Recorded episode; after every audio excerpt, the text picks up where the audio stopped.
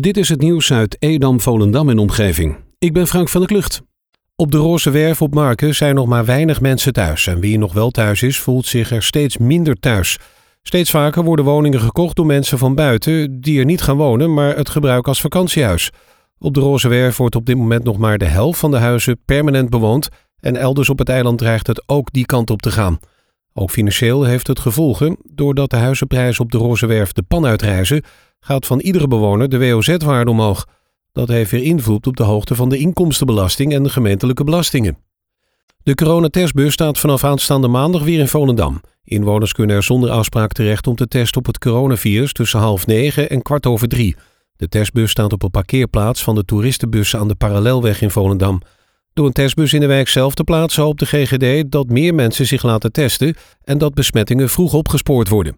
In de testbussen wordt de PCR-test afgenomen. De uitslag is binnen 24 tot 48 uur na afname bekend. Doordat er steeds meer elektrische auto's rondrijden, is de vraag naar laadpalen ook aan het toenemen. Door de hele gemeente Edam-Volendam zijn al op talloze plaatsen laadpalen geplaatst, waar men de auto's bij het parkeren de accu's vol kunnen laden. In de W Nieuwe Kampstraat is tevens een laadpaal geplaatst. Deze laadpaal wordt ook door automobilisten van elektrische auto's uit de omgeving gebruikt.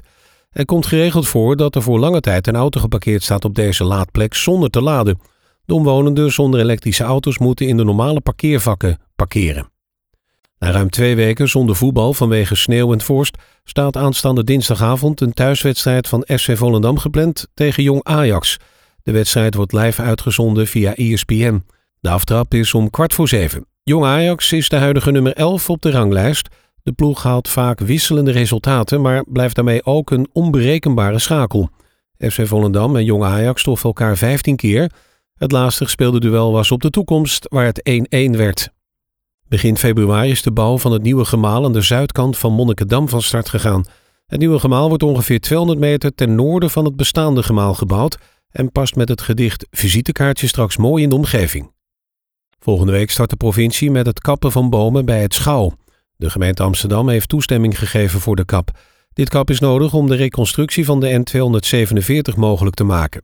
Deze reconstructie wordt uitgevoerd om de bereikbaarheid van Waterland voor het openbaar vervoer en wegverkeer te verbeteren. Ter compensatie worden er later bomen geplant op de Slochterenweg. De gemeente Beemster en de gemeente Purmerend hebben afgelopen tijd samen met ondernemers, onderwijs, zorg en iedereen die mee wilde denken aan een nieuwe economische visie gewerkt. In deze visie staan de gezamenlijke ambities voor een sterke, toekomstbestendig nieuw gemeente Purmerend. Inmiddels is het traject van het opstellen en vaststellen van de visie bijna afgerond en wordt er gewerkt aan een uitvoeringsagenda. Eind maart ligt het stuk ter besluitvorming bij beide gemeenteraden. De colleges van beide gemeenten zien het vaststellen van de visie als start van het vervolg. In de Purvak voorjaarsvakantie is voor de jeugd veel te doen in Purmerend en Beemster. Spurt, Cultuurhuis Weerland en Club bieden deze voorjaarsvakantie misschien wel het meest uitgebreide programma. Deze voorjaarsvakantie zijn er elke dag sport- en spelactiviteiten bij FC Purmerend, Purmerstein, Weervogels, SV Beemster en ZOB voor kinderen van 4 tot 12 jaar in Purmerend en Beemster.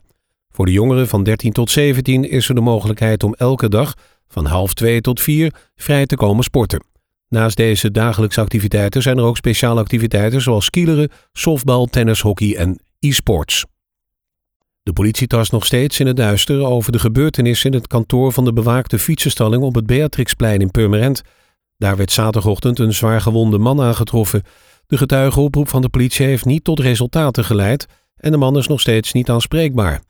De politie hoopt nog steeds dat getuigen zich melden die weten wat er gebeurd kan zijn, of de onregelmatigheden hebben gezien en wellicht gefilmd. Tussen vrijdagavond 7 uur en zaterdagmorgen half 9 heeft dat plaatsgevonden. Zij kunnen bellen met 0900 8844 of meld misdaad anoniem 0800 7000. Tot zover het nieuws uit Edam, Volendam en omgeving.